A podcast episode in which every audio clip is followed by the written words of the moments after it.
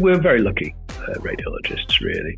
And I think particularly nowadays, because well, I see if you know these poor surgeons and physicians now running ragged, they seem to have very miserable lives. And whereas we have our chairs get comfier and you know we've got air conditioning and, and uh, things are just getting better for radiologists i think passing forward kindness and supporting each other and we should do it within radiology and if everyone does that then radiology becomes a, a, a better world a better uh, specialty uh, strong, strong opinions about vagueness in reports and hedging and things like that that they're actually they're they're a poison and but the way forward to stopping that is to say, well, listen, it's okay. You know, we can make mistakes, but as long as we learn from it, as long as you're showing that you, you are getting better at the things you're doing.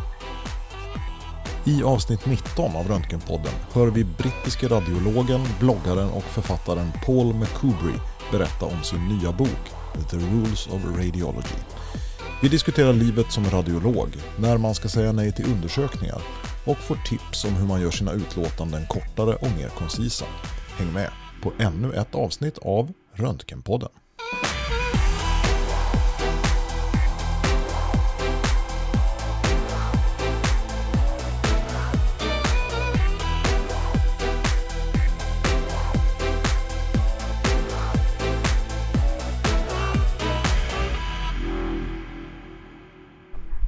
Hej Jan-Jörgen!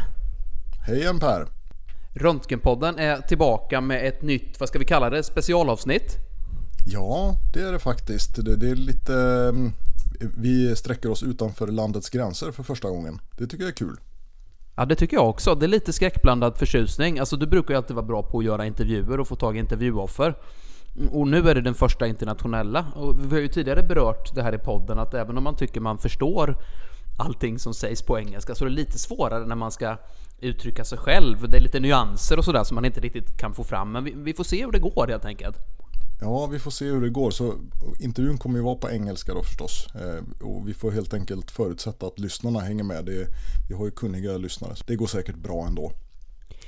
Jag räknar jag. med att vårt intervjuoffer presenterar sig eh, själv delvis. Men jag tänkte, du, du, kan väl ändå ge någon form av bakgrund? Det är du som har hittat eh, kollegan i fråga.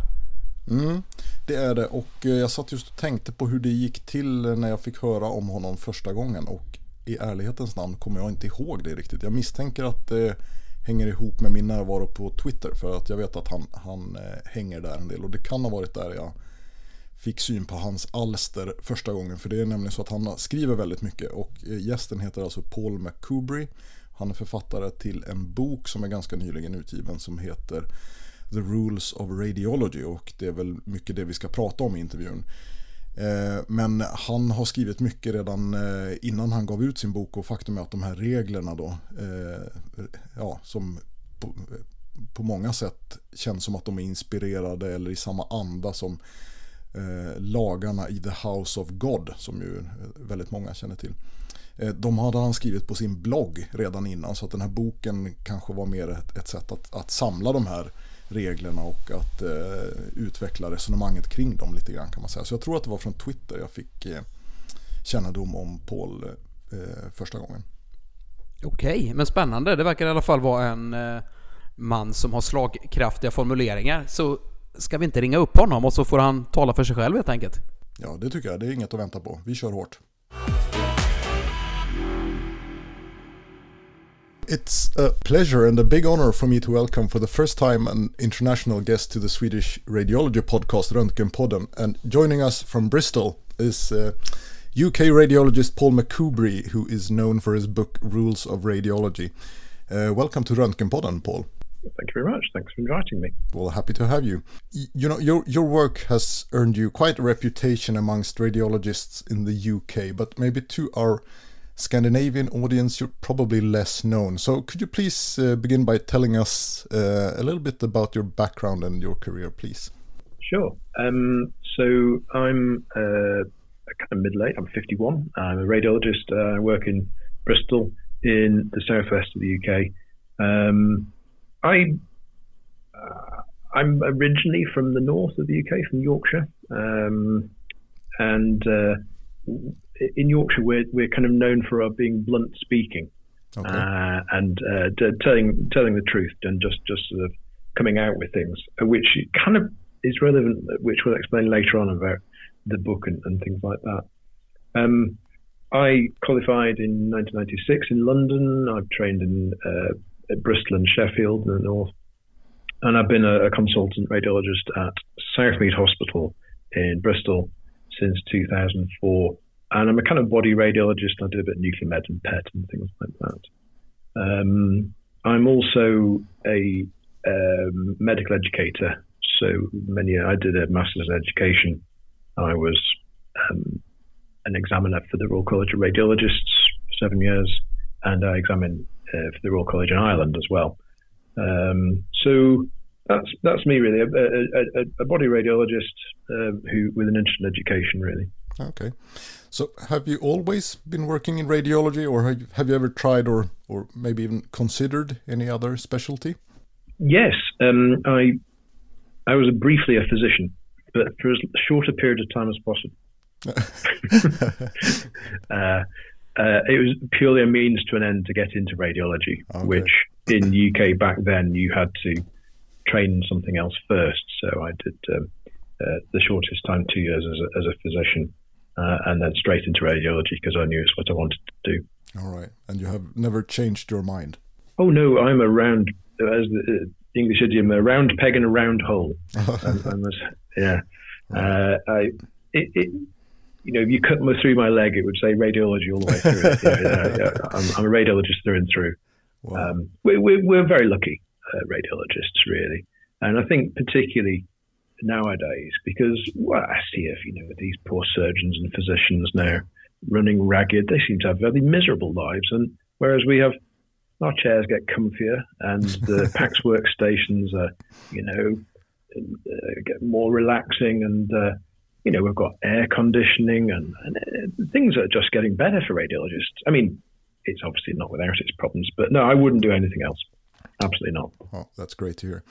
You know, I, I came to think of it. I, I, guess that to many Swedish doctors, uh, maybe the most famous medical work that ever came from Bristol is probably the stool scale. So you know, we're we're very we're very happy to have you here to give a little bit of a more nuanced picture of, of the achievements coming out of Bristol. Uh, There'll be no no discussion of that scale tonight. I'm afraid. I'm oh, sorry to tell you. oh, well, that, that's good to hear. Um, so you know, when when reading your work, uh, it seems clear that it's written by someone who has a lot of experience from from everyday radiology, and you know, many of your thoughts to me they seem really spot on, and they really resemble things that both Per and I might have uttered in the darkness of our departments, you know, late at nights, but maybe only to ourselves. So I'm, I'm wondering, what was it that made you put your thoughts on paper instead of keeping them to yourself, like I think that maybe many radiologists do? Yeah, it's funny. I, have always found um, writing sort of helps me think, if that's not too strange a phrase, that by writing something, um, it helps you sort your mind out and clears your mind about out what you think about something. Um, and so that, for me, it's always been a, a type of release. Um, it's been um, a, sort of a, almost an escapism, mm-hmm. really. But the other thing was that I found that when I did write sort of things, that people said, yeah, yeah, yeah, yeah, that's really interesting because we, we feel the same or we see the same thing. But no one else is actually writing about these day to day things that we face as radiologists. Um, just no one else is writing. People are writing academic things. They're writing about you know, technical things, but no one's writing about the you know, the, the, the day-to-day um, uh, radiology stuff, the stuff that frustrates us, the, frust- mm-hmm. the, the, stuff that's that's when you think about it carefully is is mad. And, and and why do we do things like this? And where are we going with this? And what's doing? So for me, I found that it was that people liked what I was writing, and so I wrote more. And um, and I, I, think that it, it's it's hit a sort of niche because there's not many people who who do these things. There's one or two people who do it. There's uh, Adrian Brady, um, who's the current ECR uh, president mm-hmm. uh, from Cork in Ireland, and he writes beautifully on a variety of topics. Um, and there's Giles Maskell uh, in UK uh, who was the uh, president of the Royal College of Radiologists, who writes in the British Medical Journal and various blogs and things, but writes very eloquently about. So there's a, there's a few of us who do this, but it is a sort of um, it, you just find that people really really sort of um, people come up to you and say, you know, I liked what you wrote, and, and yeah. there's nothing more flattering than that, is there? Mm-hmm. Um, the the book though was um, uh, came after I'd written the rules of radiology as a kind of a blog type thing, um, and just my, my, own amusement really. Um, but the book was very much a kind of a response to what you might call a midlife crisis. Okay. if it's not too dramatic. Um, you kind of get to your mid 40s and you suddenly start to think, oh, you know, is this it? Um, you know, is, is, there, there must be more to, to sort of like, is it this like this until death or retirement? And, and I think you know, most people have a bit of a professional dip yeah. at that stage. So I thought, well, what can I do about this? I could sort of moan about it, or I could just sort of um, do something constructive. And I thought about, you know, having some time away from work, a sabbatical, or time traveling or things like that. But then I put this to my wife, and she just gave me one of those sort of looks, you know, sort of, what are you thinking, man? No, no. Um, and so I thought, well, what could I do? So in the end, I thought, well, why don't I turn the the, the blog, the, the, the short form of it, into a, into a book, and that should be quite rewarding. And in fact, it has been. It took quite a while. It took me eighteen months to write, but it's um, it's it's been it's been it was a labour of love, and it's given me uh, considerable joy. Yeah. Um, just the process of writing. Sure. Did you ever quit your, your day job, or did you write the book during your spare time? Yes, uh, evenings and weekends. Um, so, as you can imagine, that didn't go down well with um, my darling wife or family, but uh, we came to arrangements um, that uh, that I wouldn't disappear for too long. Okay. Because writing is a very solitary uh, and antisocial habit because you just sit on your own for hours staring at the screen with the keyboard and it's it, yes it, it, you have to you know you're working full time you're doing on call and you know I've got teenage girls and um, writing and things so fitting it all in was quite difficult but yeah, it's it's, it's negotiation, yeah. like everything in life, really. Yeah. Okay, so it sounds like it's uh, almost a therapeutic process in, in, in oh, totally. Kind, yeah. yeah, no, absolutely is. And uh, I, when everyone asks me, you know, they tell me about what they're writing. Yeah. Because people do that. They will come up to you and say, "This is what I'm writing," and I go, "Good for you. How, how is is it good to get it off your chest? Is it good to tell the story?" And, and the, universally, yes.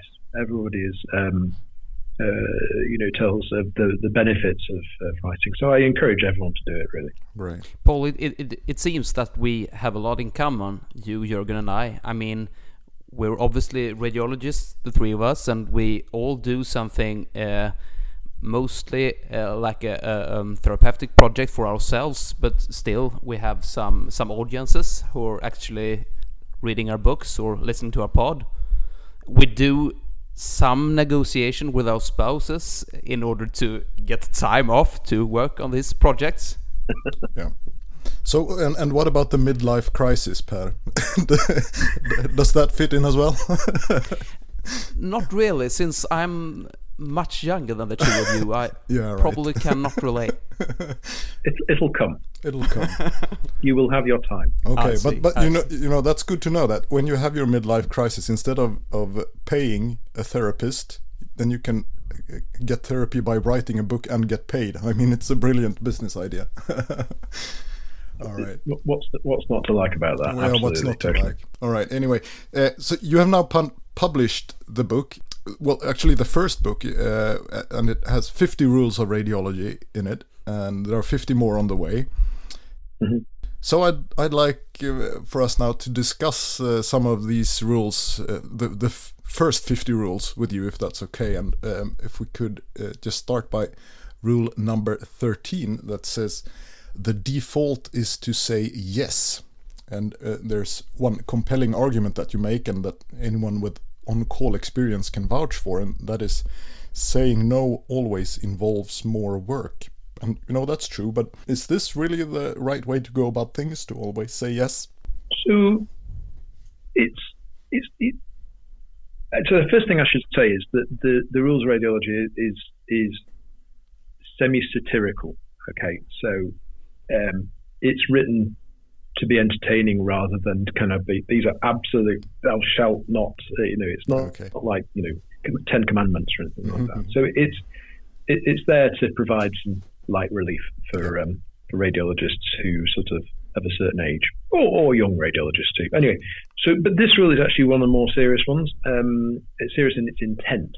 Um, so um, because I think there's in certain countries particularly where resources are quite tight, the radiologist is there as the gatekeeper, you know, and your job is to say no to scans. No, you're not having this. This is not happening. But I say that you know those times are gone in most countries, and uh, you, you you'll just create more work and hassle for yourself by doing that type of technique. I, the, the always saying yes, no, not always. Um, and I have a very simple rule, which is sort of summarized at the end of that particular bit of writing, which is basically if the request for the scan is vaguely sensible, then yeah, go for it. Um, right. Because why bother fighting it? Um, however, if the um, if there's sort of if it if it doesn't make sense uh, or if it's sort of slightly jumbled, then that's when you ask for clarification and that's the only time really. Okay. Yeah. Because I think sometimes you can get quite emotional about these things. You can get wound up by people. You encounter people who you don't think are competent, mm-hmm. uh, and therefore I think you just you know have to take all that emotion out of it uh, and just say, uh, is this is this vaguely sensible? Fine, whatever. Just let's do it. Um, and you, hang on, this one, this makes no sense. I don't understand what's going on here. I need, rather just saying yes, I need to clarify that, which is the minority of scans. Yeah. Um, but it makes for much easier life. Yeah. And and in, in such cases, it seems to me that often it's more sensible, you know, just to, to give the the clinician a call and ask yeah. him or her, what what do you really mean? Is is is this what you want, or is there something I'm missing? Rather than just say no and tearing the sheet apart and throwing it in, in the bin, right? Oh yeah, yeah. So it's not a saying no as such. It's more a kind of putting on hold. Mm-hmm. So put it on hold pending discussion. And sometimes, um, you know, the only time that I really say no to things is when I have complicit agreement. When I say, "So I'm just going to cancel this scan. Is that okay with you?" And they say yes, and then no, it's fine. Okay. Yeah. You know, after, after preparing these questions, it struck me that um, as you said, uh, you did publish uh, these rules on your blog before they went into your book, right? So I, I, had a look at your blog, and and this rule number thirteen, it, it, was actually published in 2013. Could that be right? It was. Yeah. And I did some research here. Ever since that year, the number of performed CT and MRI scans in the UK has increased 7% year on year. So is is this a coincidence, or, or, or could I'm it, to blame. or could it actually be the result of your colleagues reading your rules and and taking them ad notam? I can categorically say that it was happening well before that. All right, uh, and the upward trend has just continued, and it did not hit a bump in 2000. okay, so it's not your fault then. I, I, categorically deny any, any okay. causation. All right, all right. Uh, Paul, as as opposed to Jurgen, I have not yet had the pleasure of reading your 50 Rules of Radiology, but when I was an intern, I read Samuel Shem's classic novel House of God. I'm sure you've heard about it, and this book also includes rules on how to behave in in a hospital uh, although probably more relatable to medical residents than to radiologists. Has um, these rules, the rules of the House of God, been um, inspiring you to, to write your own rules? Oh, totally. So the House of God was a massive influence um, uh, on on me as a, I read as, as a, as a student in the 1990s, but it was already 20 odd year old, 20 odd years old uh, by then. And the subsequent book, his Samuel Shem's subsequent book, Mount Misery, describing his time as a psychiatrist, was an equally amusing yet bleak book. Um, but the, these sort of simple aphorisms or sayings, or because you know the, the, there's hundreds of these things outside radiology in clinical medicine, and and more to the point, they have been. If you look, these sayings have been um, collected, collated, and published for hundreds of years. So there's nothing new about rules in medicine and rules in um, uh, specialties, uh, rules of practice that are kind of satirical but nevertheless true. So I, am just really continuing the same vein as that. But the, no one had done anything like this in radiology. Although in the book I pay homage to one of my trainers, uh, Paul Goddard, who um, who who was very fond of uh, these uh, sayings and aphorisms, and I kind of picked the bug up of, of him over 20 years ago. Um, but um, the, these these phrases, I, have sort of collected them like a sort of um, hoarded them, you know, sort of. And I would often be having a conversation with somebody, uh, and and I would just say, oh, "Excuse me a second, I'm just going to write that one down because that one's too good to not." Keep. So I've, I've sort of I keep I've squirreled these away for uh, for years and years, and and so when it came to sort of writing uh, the, the, the first lot of rules, which was, was 40 odd at that stage. It was just really all those ones that I'd, uh, I'd heard other people. But yeah, I wrote a few of them myself. But uh, uh, I think it's got a perpetual attractiveness. These rules, because rules of anything, because it gives it's a talking point, and yeah. it's uh, you know when you summarise something so um, um, uh, so so so so concisely, but at the same time with an element of humour. There's something very catchy about that. Yeah. You know, I think it's something that's an enduring attraction. Yes. All right. So uh, let's move on to another rule, number 28. Uh, stay safe the easy way, and the message here is to avoid risky procedures. So, uh, and you say, for example, that contrast nephropathy is unheard of if you don't give contrast. And patients don't exsanguinate from a biopsy that didn't happen. And you know this is well it's all true but it, this might seem to be the exact opposite of rule number 13 that we just discussed. So could you please elaborate a little bit on, on when it's actually okay to say no and even more than okay maybe when you should say no to requests yeah this this wasn't really about saying no so much but the the kind of gist of this was very much about risk and risk in radiology, risk in diagnostic radiology, risk in interventional radiology. Um, and the notion that people think about risk in a kind of illogical and weird fashion. And people don't understand it very well, and certainly patients don't understand it, and radiologists and other doctors aren't very good at explaining it to patients.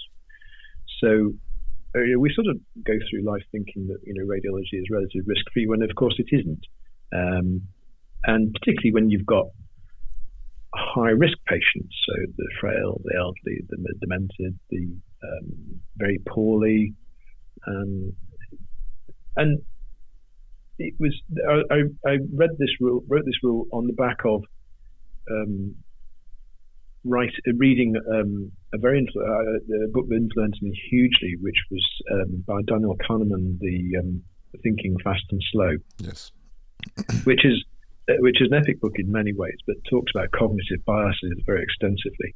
And cognitive bias about risk is, is, a huge part of the book and a huge part of his work.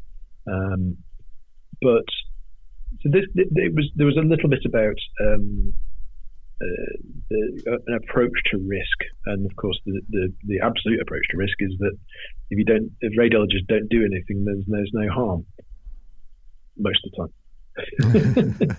I think it's it's very interesting that you mention Kahneman and thinking fast and slow because uh, I read that book a couple of years ago and I instantly reacted that that this um, you know he talks about two systems, two different ways that your brain works and uh, my experience is that that is exactly the way you work as a radiologist. You use your fast system one a lot. If you read a chest X-ray, you will probably pick up most pathology within one second without thinking about it. However, if you do not um, look at the X-ray again in a more strategic way, you will probably miss something every now and then. Yeah. that is using your your second system. It, it's one of those books that I think, although it's a it's a it's a difficult book because it's just so idea dense, so much in it, and uh, and it's quite a big book. There's a lot in it and a lot to digest, and I think a lot of people get bogged down in it. But it, it, it for me was just one of these life changing books. It, it just changed how I saw the world, and I love books like that. I mean, they're so exciting. You know, they're, they're difficult and but they're a challenge. But when you read them, you're a different person afterwards. Um, and there's several books like that that I've read. Um, uh, and, and you know, Kahneman was, was was one of the more recent ones. Yeah. Okay, so if we could move on to some some rules that um, all uh, are connected to um, reporting and how you express yourself in, in the reports. Uh, there's there's one rule number 23 that says use words carefully, and you also come with a quite blunt message here, uh, which is never ever write clinical correlation advised ever. So is this uh, is it this specific phrase that you dislike or? Yeah, I do. Yeah, um, I, I really dislike it, but not because it's um, well, two reasons that I, I, dislike it. One, it's useless. It's a useless phrase. Okay. Because if you write that, um, then it, you, you're you're you're you're basically it's a passive aggressive phrase. You're, you're basically saying. Uh, uh, tossing it back to people, but you, you didn't put enough clinical detail. But the other thing that's useless about it is that you you're not committing to anything. You know, you're you're just sort of it's it's a wishy washy kind of bully, terrible phrase for many reasons. But the main reason that we shouldn't say it is because it's now oh so overused that um, it's a joke, it's a meme, hmm. um, it's uh, used as a stick to beat us. So you know, I post something on Twitter, and then you'll get some clever so and so. So it says clinical correlation advised, and I just yeah, so it, it, annoys the hell out of me, and yeah. I just think we just need to drop it. Okay. There's better ways of phrasing those things, okay. those questions, and it's overused. It's like the meme you found, Jurgen. A radiologist is born. Yeah, that's right. That's right. Yeah. the mom of the radiologist states that he's he's about to say his first words, and they go something like "malignancy cannot be ruled out." yeah, that's brilliant. oh dear yeah. terrible scenes. Yeah. Well, yeah, I, I was thinking when when I read this rule and and your content for this phrase that maybe this is actually a, a, a cultural difference between the UK and, and Sweden because okay. you know sometimes we do write uh, phrases with that meaning, but I don't think that it's used so frequent that uh, that it has become something you know that people react to like a reflex, you know. Uh, or what do you say, Per? I agree with you, but both you and I can probably think of uh, other phrases. Oh, absolutely, we yeah. do use too much and therefore try uh, to avoid. Oh, absolutely, yeah. Just not this specific one because you know I I, I think that sometimes it's really. Uh, motivated to in, to to indicate to the uh, to the clinician that okay I found something here I don't really know if it's relevant or not but if you if you make a, a, a, clinical examination of this specific area, that might give uh, give you the clue whether it's relevant or not. You know? um, it's not to escape my responsibility. It's more like trying to help to guide the clinician in the right way. And I guess that, but but that's probably yeah. not what you're aiming for, right? No, uh, I mean, guiding clinicians is what we're all about. Right. Um, but I think lazy reporting habits yeah. uh, and overused phrases that aren't even very good yes. is something we should, as a, as a as a as a tre- as a um, a specialty we Absolutely. should be seeking to get rid of. Really, Absolutely. there are some phrases that do not add any value to to um, uh, to the patient, and which sole um, effect is that the the surgeons like tend to look at you at some like someone who does doesn't really know. Uh, during my final year as a resident, I went to to um, a larger hospital, and there an older radiologist told me that you know, obviously, obviously you must be right most of the time, but you might be wrong sometimes, and the surgeons will accept that. But what they will not accept is if you never say anything about anything. Right. You don't express an opinion. no, exactly. Yeah, and yeah, that that, no. that really relates to another one of your rules, doesn't it? The n- rule number twenty nine, getting off the fence. And I mean, the message of that rule is that we should be more offensive in our reports and avoid equivocating. And you write there that do not let the fear of being wrong rob you of the joy of being right. And I couldn't agree more. And uh, but I'm just wondering here because clinicians they're wrong all the time, you know, when they write their requests and they cause all sorts of complications when they process their patients. So how come that radiologists are so afraid of even once being wrong? Yeah, I think it's the, it's a culture issue in radiology that we are um, we we don't like being wrong, and an error is seen as some kind of sin, which is about right. Which you know we should, and we're always aiming for this perfection, which, as we well know, is unattainable because there's no such thing as a radiologist who doesn't make mistakes. Sure. Um, but we do judge. I think there's a problem with other radiologists judging other radiologists who, who don't who, who who are thought to be less accurate, and and that is seen as some unforgivable sin rather than just something something that's expected.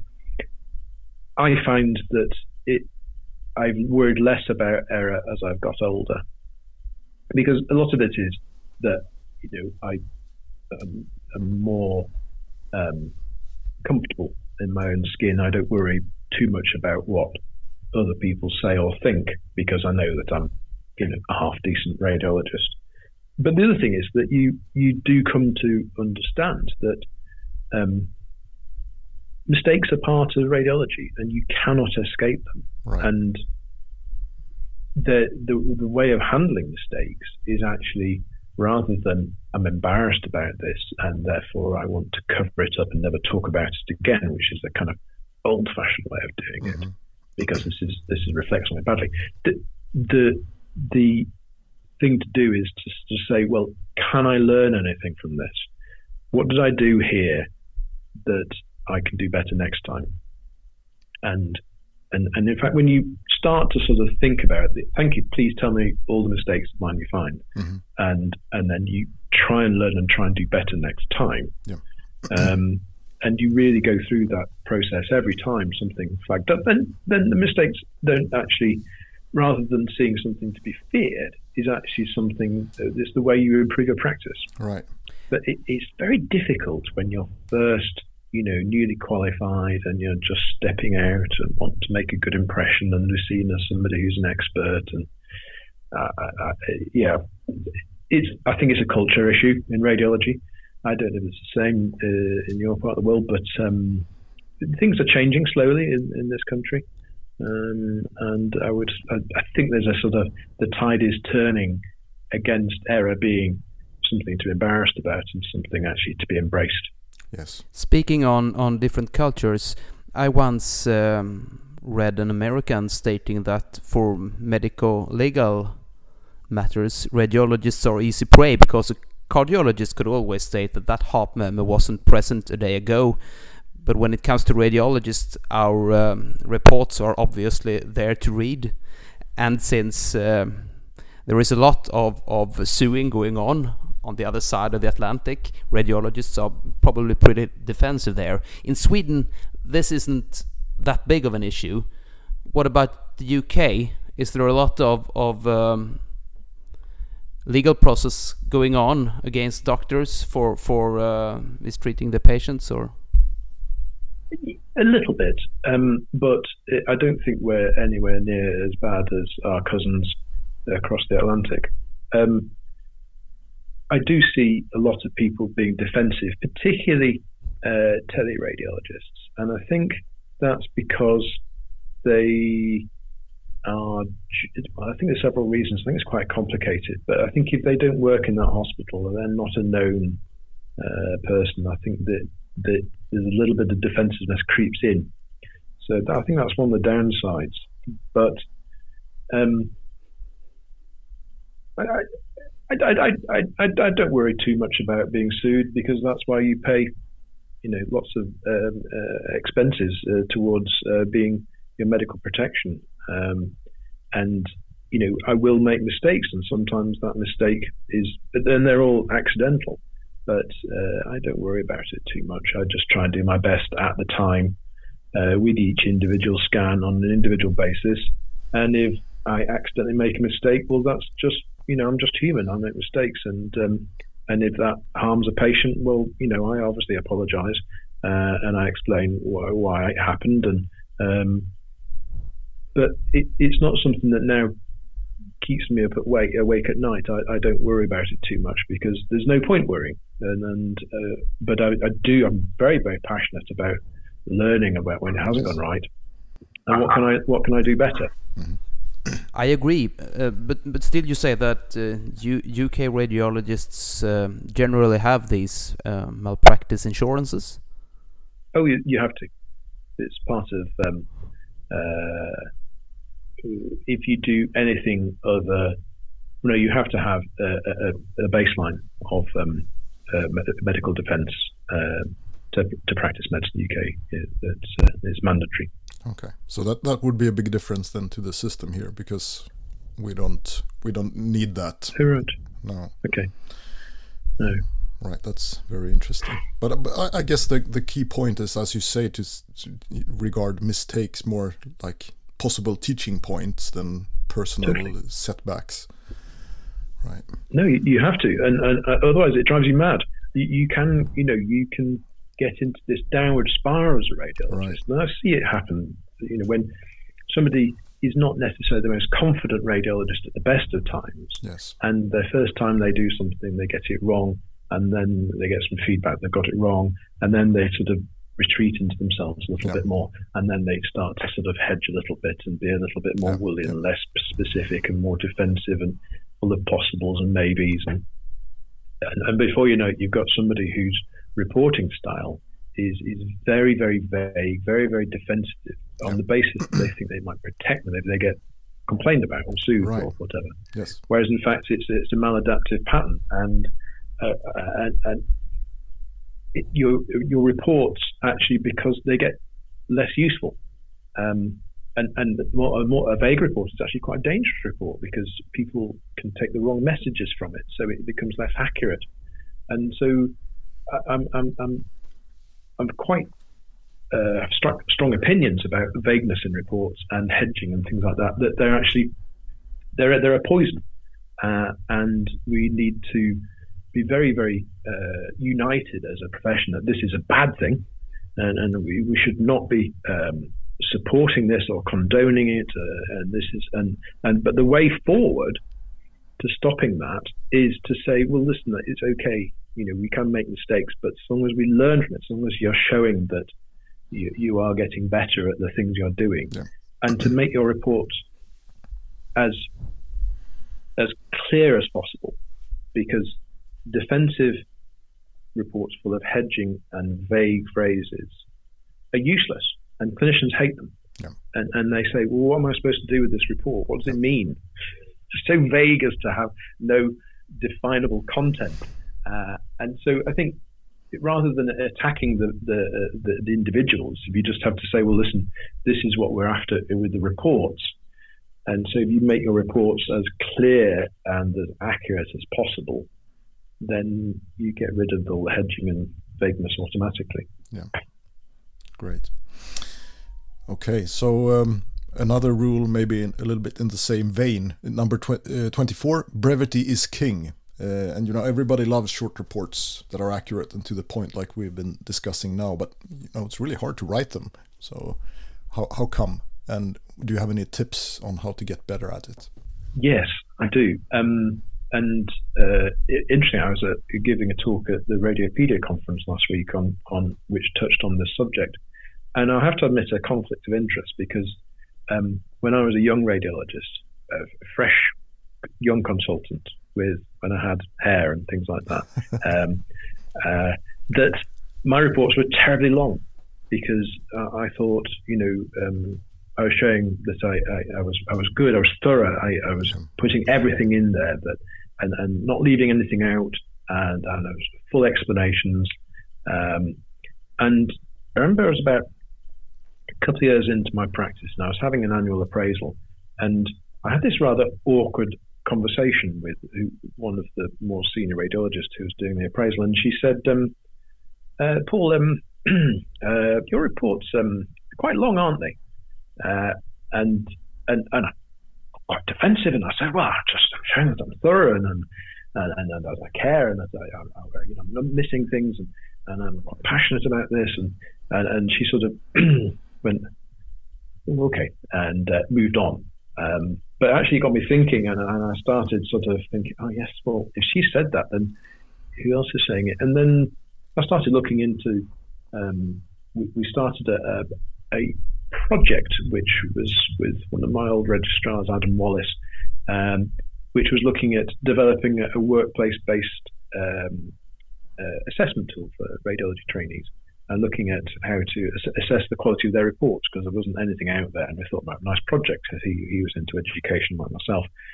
But and as a result of that, we, we sort of started doing a literature review about radiology reporting, which actually that was published first. That was published in Clinical Radiology in 2011, which and it was it's still a relevant um, uh, topic. And, and in that we in that paper and then subsequent stuff that we do, I haven't thought about brevity a lot, and I think the, the first thing I'd say is that there's a phrase uh, from a paper from about 40 odd years ago, and it, it's a beautiful phrase, and it's you can't always be brief, but you can always be concise. Right. Because some scans are very complicated and there's a lot on them. So you can't always be brief, but you can always be concise. And it's it's, it's this concision and, and, and making things as short as possible, yeah. Uh, which takes time and practice. Uh, there's no shortcut to that. So one of the um, there's several ways to do this. Um, one of which is to build up a bank of stock short phrases. So rather than saying, for example, on an ultrasound or CT report, there are multiple gallstones in the thin-walled, non-inflamed gallbladder, yeah. that you you start to contract that down, um, and then you say, well, there are you know multiple gallstones, but those signs of cholecystitis, uh, and then you just say gallstones with no cholecystitis. And then, well, actually, what you really can just say, you can say uncomplicated gallstones. So you can contract a whole sentence down mm-hmm. two words. And you do that repeatedly, repeatedly, repeatedly, repeatedly. And before you know it, your reports, which are, you know, several paragraphs, is actually just, you know, 10 words. Yeah. Because you can get most reports down to 10 words mm-hmm. uh, if you try hard, or at least one paragraph. Uh, and that's the challenge in itself. You know, one paragraph uh, reports with one sentence summaries yeah. is a challenge.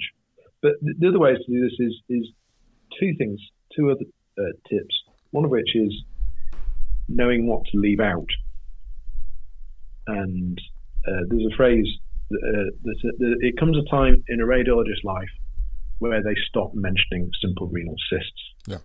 Uh, and you know, it's leaving these things out that are irrelevant and nobody cares about, and uh, uh, and um, doesn't really matter to anybody. And you can leave those out quite safely. Yeah, but and, um, and, isn't it so that in the beginning of your career, when you write the report, sometimes it's more of a template or actually a documentation of how you have been looking at the images, and really a documentation for the one who's supposed to sign it off to prove that I have been looking at all these things. Yep.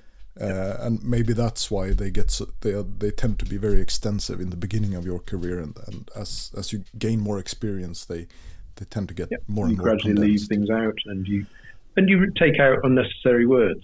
Right. Um, I mean, you know, whether you say, uh, you know, uh, such and such is seen. So, Yes.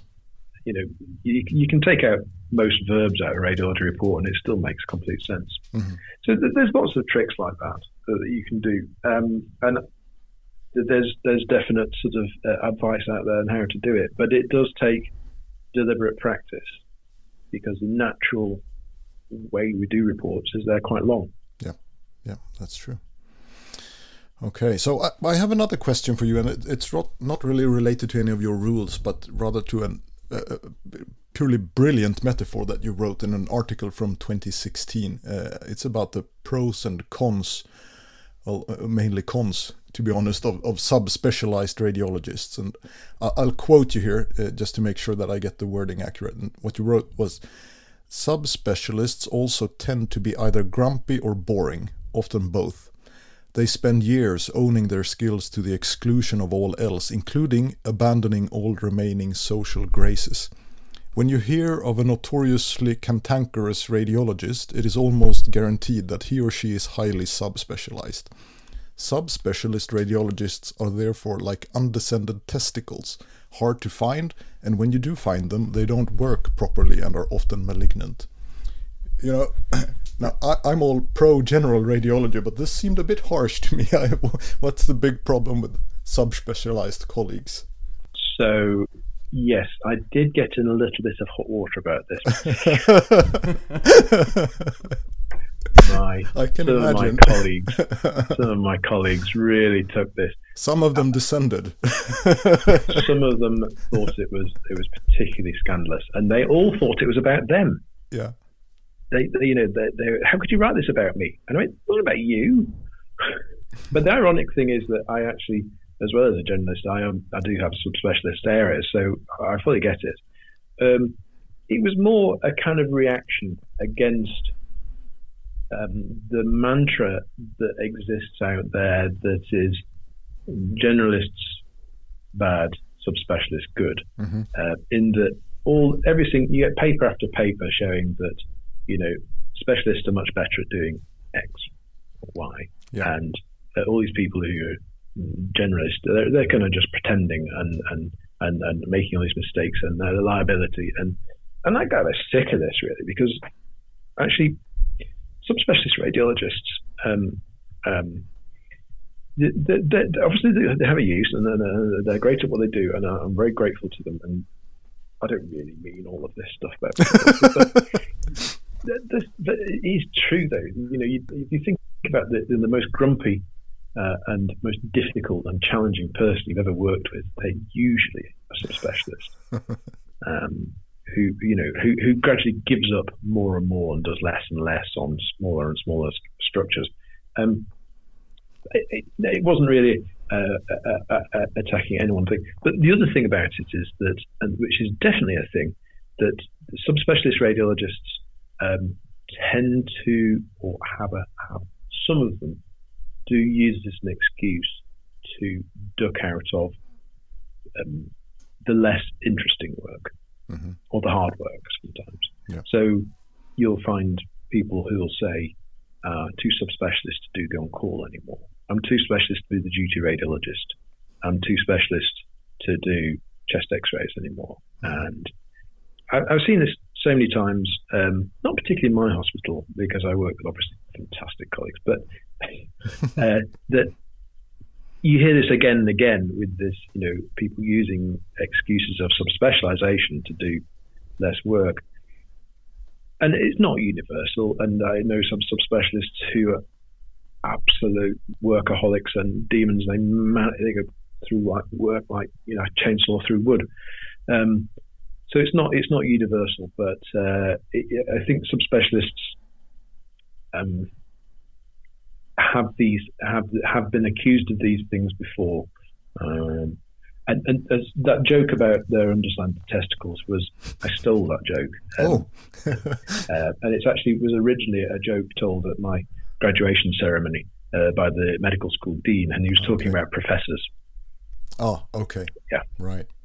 Yeah. So I stole it and thought, well, why not? Eh? Yeah, why not?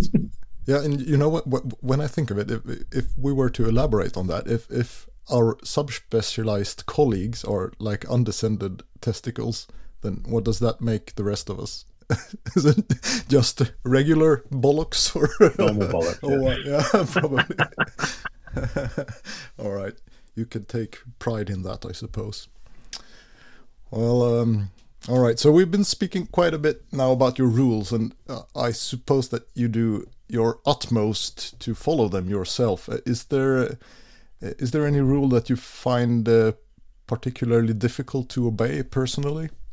Yes, um, two of them, and they're some of the early ones. Um, um, it's number three, which is keep your cool. Um, um, I wish I was a calmer person. I really do. I wish I didn't. Um, uh, yeah, I, I, I, I, I work, I've worked acid all my life, but uh, I must admit that I, I do find I'm not naturally one of those sort of calm, sort of chilled, um, lovely sort of, uh, and, and, I don't get angry about things. I don't. I, I, I rant about things, and I, you know, I get angry and passionate about things, and and I have difficulty keeping sometimes a degree of perspective. but it, it, I think I, I don't lose my. I don't become properly angry. I just get passionate angry. But I, it's been a, a while since I've uh, properly lost my temper. But um, so I, I do keep a, a calm things, but I wish I was a calmer person. I'm just not, and it's the way it is. And I just have to cope with that. The second one that I, I find difficulty is the is the toughening up. Uh, number five, um, because I'm I'm quite a softy really, um, and um, I kind of um, I like to be liked. You know, I like I don't like to make people dis do. I don't like to do things that make people dislike me.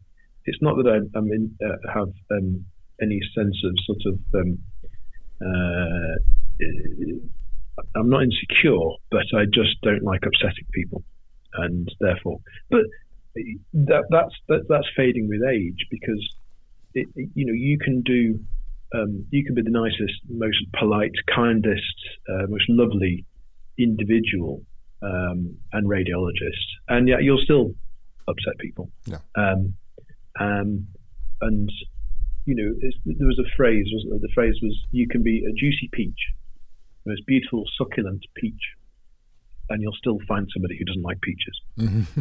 Oh, that that's so, a good metaphor. yeah, you can't. You you and, and so therefore a, a, phrase that I've used before is that you should therefore aim to be mildly disliked by a minority. Oh, right. And and on the other hand, Paul, that nice guy feature of yours should probably make it easy to obey rule number 13. The default is to say yes, right? Absolutely. Absolutely. Mr. Nice Guy, that's me. Yeah. Totally. All right. So, you know, our show has quite a lot of junior radiologists as listeners. Do you have any particular advice for them to cling on to in the beginning of their careers? Well, obviously they should buy my book, um, and if someone wants to translate it into Swedish, that'd be fantastic. But uh, uh, you, your guys' uh, English is amazing, so I'm not sure that will be totally necessary. Although I am told for the non-native English speaker, there is quite a lot of um, idiom in it, which sometimes and some complicated words. But nevertheless, do buy the book uh, because I it's a kind of I often describe it as a, as a letter to my younger self.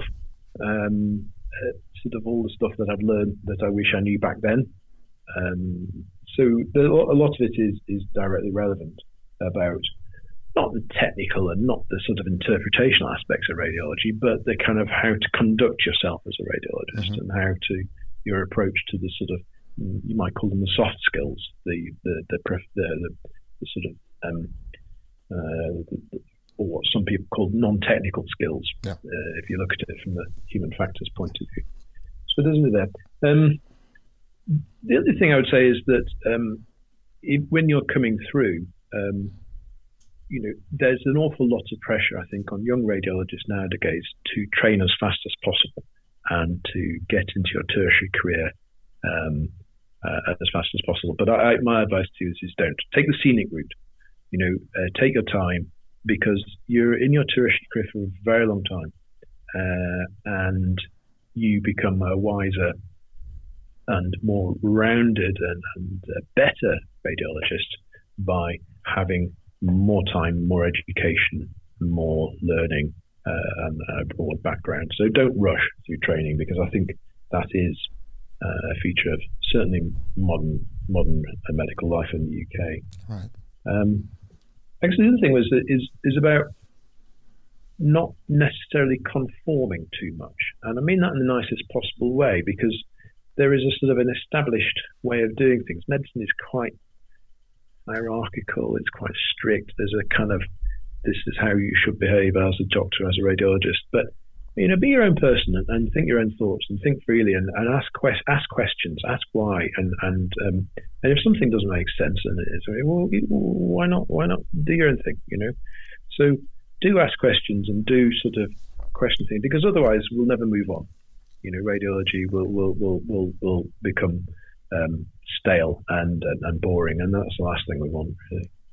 Um, and the other thing I would say is that um, you know if you by doing this and seeking your own meaning and seeking your own way through life and your own messages, that if you find these, then pass them forward. You know, and, and that's what I like to do. So if I say like I've learned something or, or something that I think other people would find interesting, I like to sort of pass those on in the things that I write and things I talk about and lecture about. So pass that forward, and also pass forward kindness, because I think um, there's a the the, med- the, world out there is, is, is a hard place, and, and medicine is, you know, it, it's very difficult, and, and I think we forget now that you know now that we're all in our tertiary careers that are the stresses and strains of these young people coming through. Um, and I think passing forward kindness and supporting each other, and we should do it within radiology. We should explicitly do it uh, and be more kind than we think they have to be.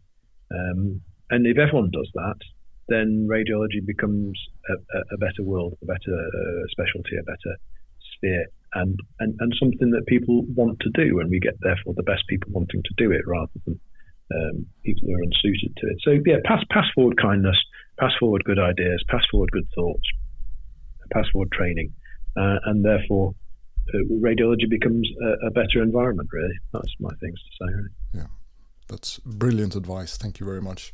So, uh, for those of our listeners who are uh, interested, could you please tell them a little bit about where they can find more of your work and especially where they can get a hold of your book?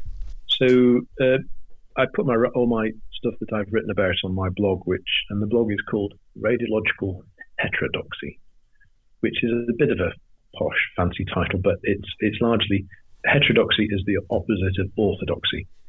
So it's trying to maybe a, slightly different view of the world of radiology. But so that's all the blog. That's there. The book. Um, you'll want to know the cheapest place to, but the cheapest place to get it is on Amazon.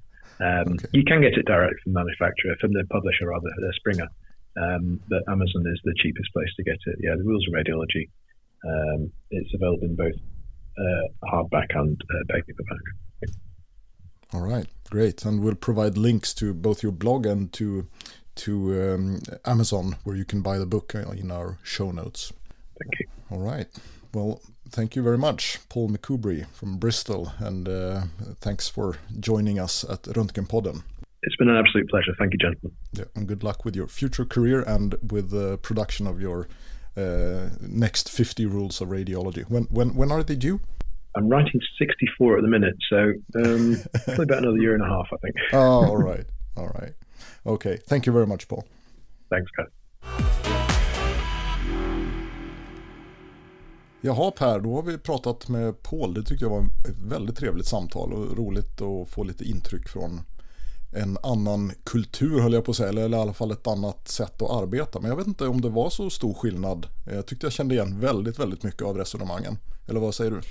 Ja, men nu nyanserar du dig. När du sa att det var en annan kultur så tänkte jag att eh, jag vet inte fasen om det var så mycket skillnader. Han, han läser samma böcker som, som vi ja. och han ha, gör samma erfarenheter som oss i eh, en annan fix på en annan plats så att säga. Men likheterna är ju betydligt fler än skillnaderna. Ja, ja men det var verkligen någonting som slog mig när vi, när vi pratades vid. Och sen skiljer sig ju systemen vi arbetar i lite från varandra eller kanske till och med ganska mycket. Det lät ju lite så på hans beskrivning av hur yngre läkare har det i Storbritannien. Och vi, det, de arbetar förstås under rätt mycket press i Sverige också men jag fick ändå intryck av att det kanske var på en, en lite annan nivå där i, i Storbritannien. Eller vad, vad, hur uppfattade du det? Ja men så kan det nog vara och, och jag menar även om han eh, var noga med att poängtera att eh, det är inte som i USA där man blir stämd till höger och vänster så var det ändå självklart för honom att ha en, en ansvarsförsäkring som det lät som att han tecknade själv och liksom som låg utanför anställningen och så. Så att Ja, lite precis. annat. Ja, inte bara självklart utan det var ju obligatoriskt till och med som jag förstod det. Så det, det antyder väl att det finns ett visst behov av det, lite som trafikförsäkringen i Sverige är obligatorisk. Men det är ju inte så många som tecknar en egen ansvarsförsäkring eh, av rädsla för att bli stämd i domstol i det svenska rättsväsendet i alla fall. Av kollegorna som är verksamma här i Sverige och det kan jag tycka är ganska skönt faktiskt. Ja, det kan ju vara svårt att veta förstås om det är en obligatorisk försäkring, om den är att jämställa med det som vår arbetsgivare på något sätt tillhandahåller oss. Så kan det ju vara också. Ja, jo det är sant förstås. Mm. Var det någon eh, särskild av de här reglerna vi diskuterade som du, eh, som du tar med dig eh, och låter dig inspireras av i ditt fortsatta arbete? Ja, men i princip alla, men ärligt talat så, så det var väl egentligen inte så mycket nytt. Jag har ju ändå jobbat i, i, i 11 år nu och jag kan väl, kan väl hålla med honom om de erfarenheter han gör. Jag tänker på den här regeln, eh, hur var det nu, Eh, grunden är att, att säga ja. Mm, Den, den har jag ju liksom själv lärt mig den hårda vägen så att säga. I början så ville man ju gärna att man skulle man skulle sätta upp lite motstånd och man skulle inte stråla mer än nödvändigt och så. Det är klart, den uppgiften har man ju, men någonstans så blir man med åren snabbare på att inse att det här är en undersökning vi inte kommer undan. Det är bara slöseri med tid att försöka stoppa den och lika bra att köra. Den, Den, den kände jag verkligen igen mig i. Ja, det gick ju ganska fort att, att lära sig och inta den attityden tycker jag faktiskt. Det behövdes inte så många år i karriären innan man fattade att det, det var enklast att göra på det sättet. Och sen, det, det blir lätt så tycker jag att om man, om man får någonting som man känner sig instinktivt att nej det där kan vi i alla fall inte göra. Att, då blir man liksom det är väldigt lätt att man blir lite dogmatisk på något sätt och att man går i clinch då, eller hur? När man ringer upp någon enbart i det syftet, att det blir inte så trevliga samtal ofta utan ofta så känns det ju mycket bättre om man ringer och frågar hur jag måste få diskutera den här remissen med dig. Hur var det du menade egentligen? Var det det här du ville ha?